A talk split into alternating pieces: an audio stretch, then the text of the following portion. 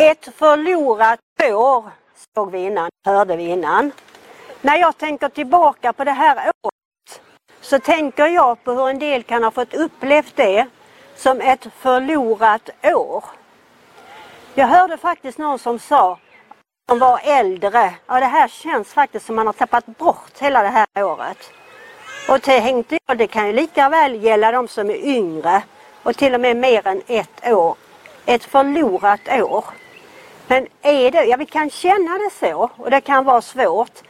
Men är det ett förlorat år om jag är Jesu får och har följt herden?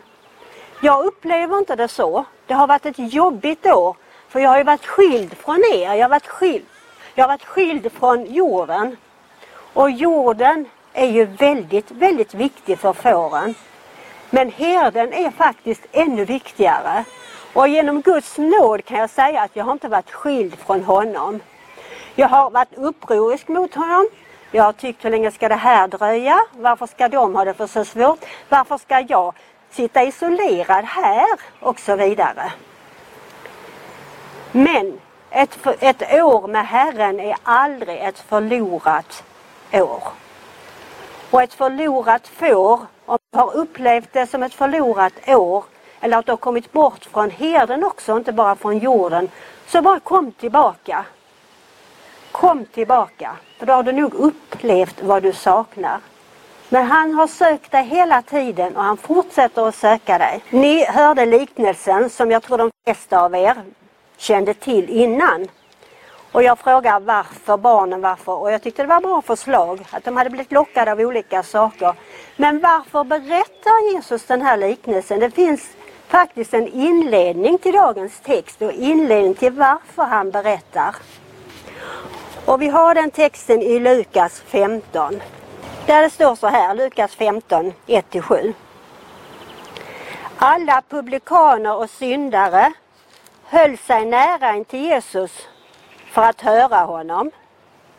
Men fariseerna och de skriftlärde kritiserade honom ständigt och sa den mannen tar emot syndare och äter tillsammans med dem. Då berättade han denna liknelse för dem. Anledningen var de här grupperna. Publikanerna och syndarna. Publikanerna det var tullarna som tog lite för mycket betalt och tjänade ockupationsmakten och kanske inte riktigt var solidarisk mot sina egna, mot judarna.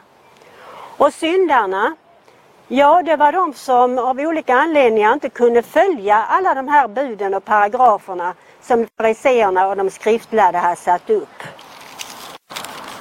Och sen kan man nämna mer om de här grupperna. Men skillnaden är ju den stora att tullmännen och syndarna höll sig nära Jesus för att höra honom. Men fariseerna, de som faktiskt var fromma, den tidens fromma, kanske lite grann som du och jag. Vi tycker vi kan vad som står i Guds ord och vi tycker att vi lever efter detta och vi lever ett rätt bra liv. Vi tycker att vi är värda lite mer kanske, att bli behandlade på ett annat sätt än de där syndarna. Jag vet inte hur ni reagerade men när det satt några på bänken här när vi kom.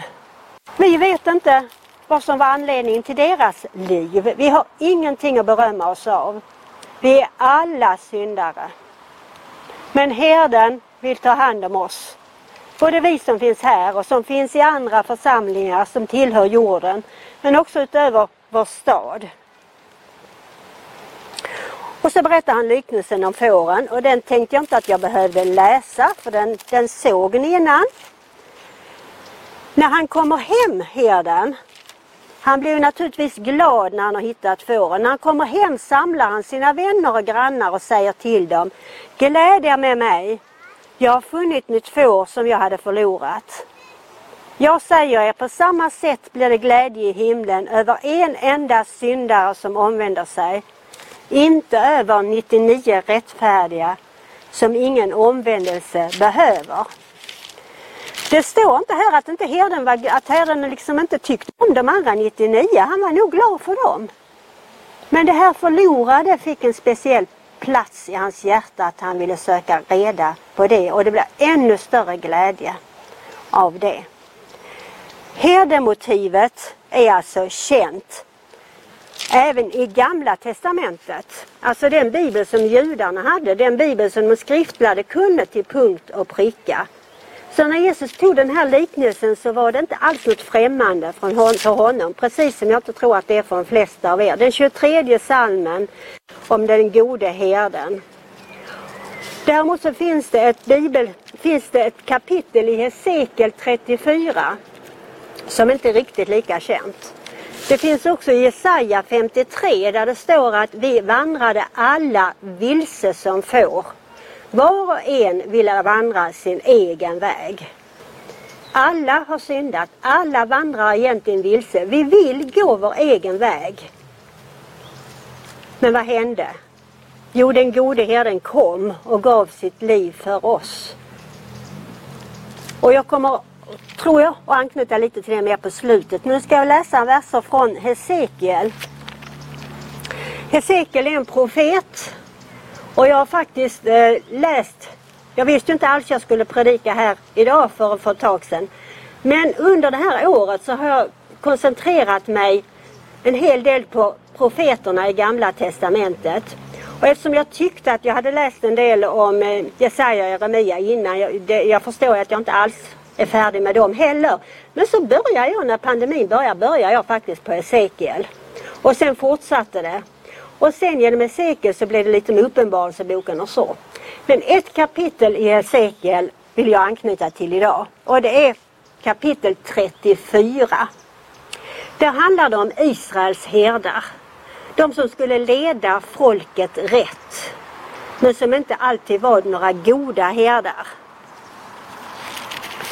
Och så skriver, skriver Hesekiel så här.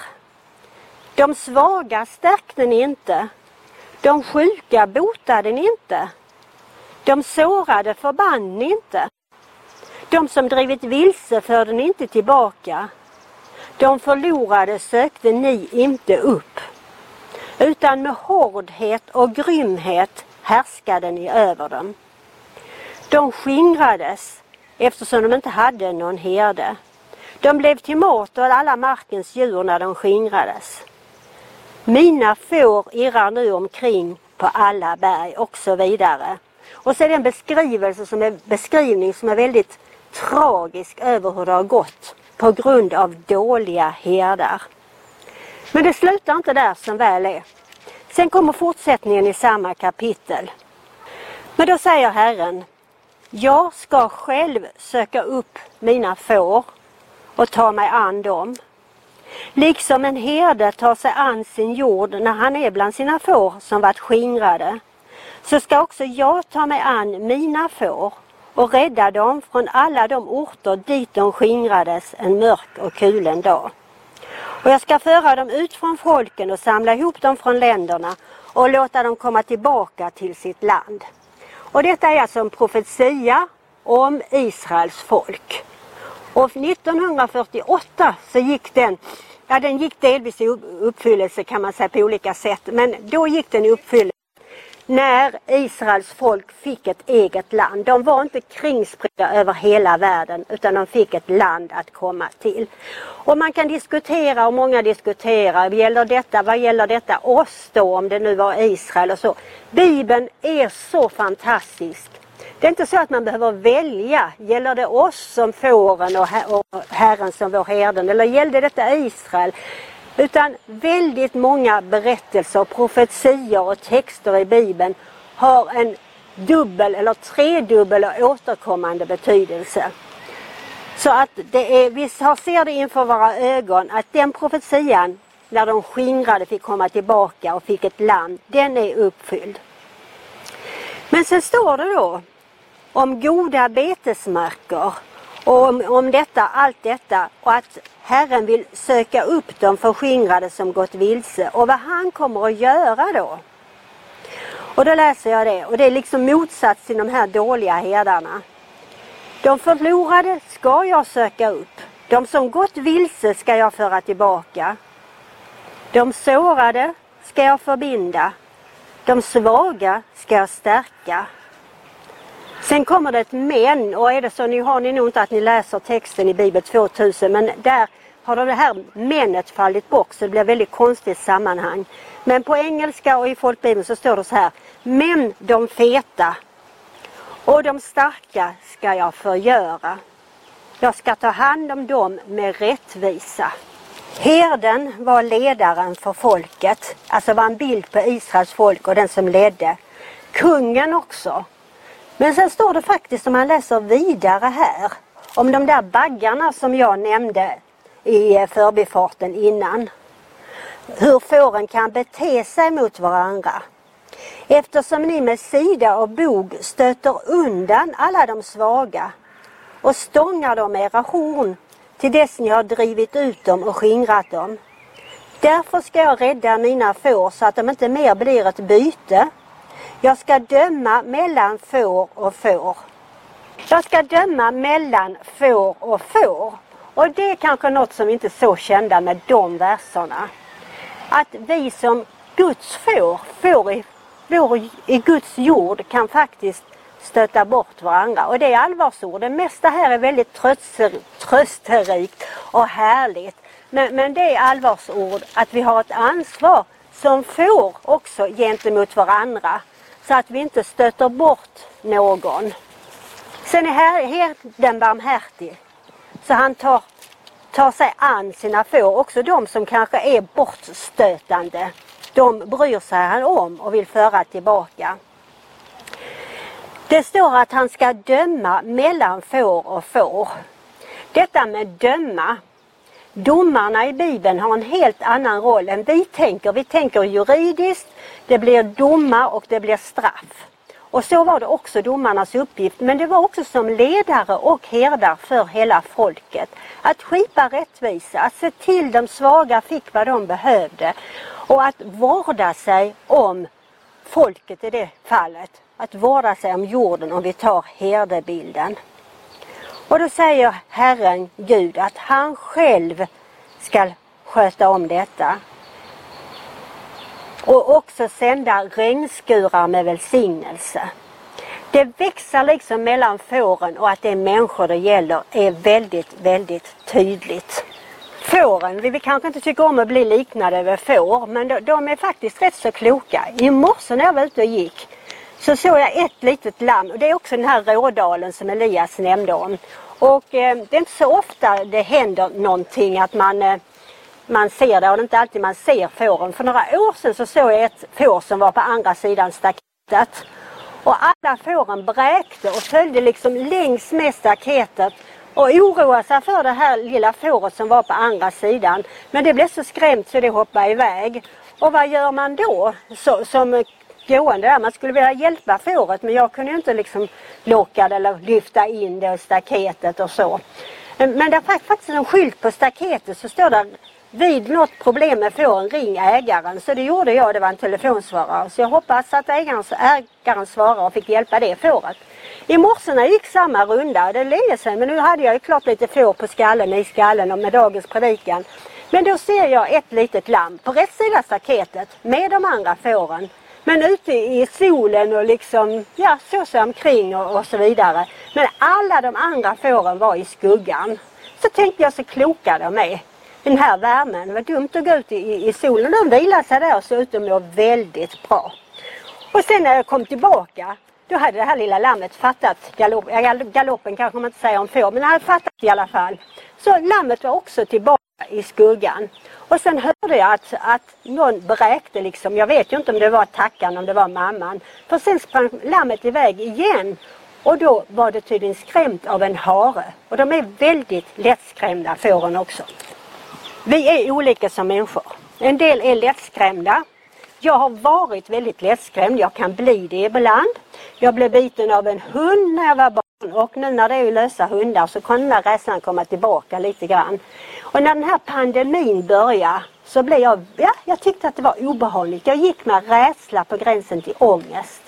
Men jag fick landa i en av Psaltarpsalmerna. Jag ska inte läsa den för jag tror det, det räcker med det med de bibelsidorna vi har läst. Men Psaltarpsalm 91, den kan ni läsa när ni kommer hem och ni vet kanske vad det är.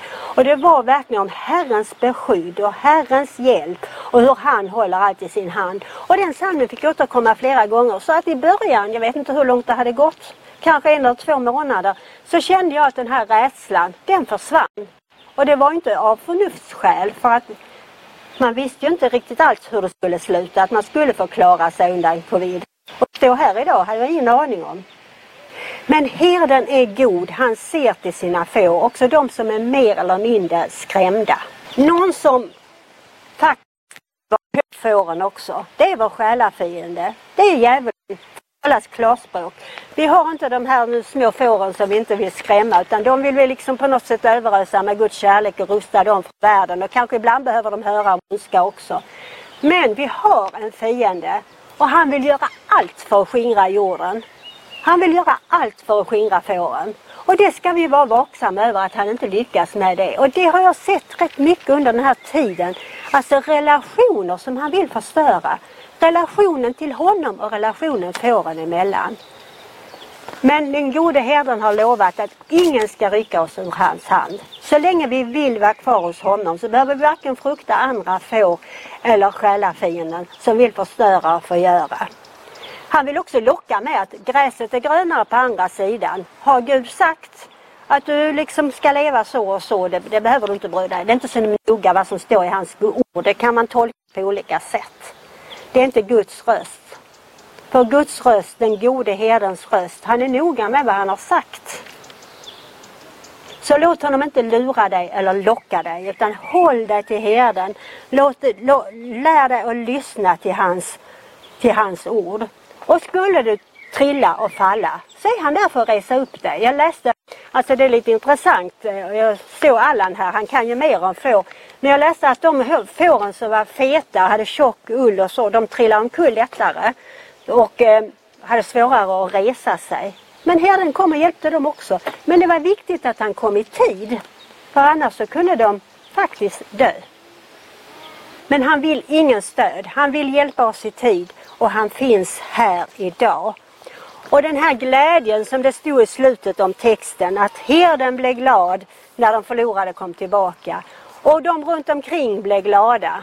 Alltså, Visst är det bästa som kan hända oss i församlingen i jorden när förlorade får hittar tillbaka. Och det behöver inte bara vara de som kommer liksom utifrån som kanske inte har tillhört jorden.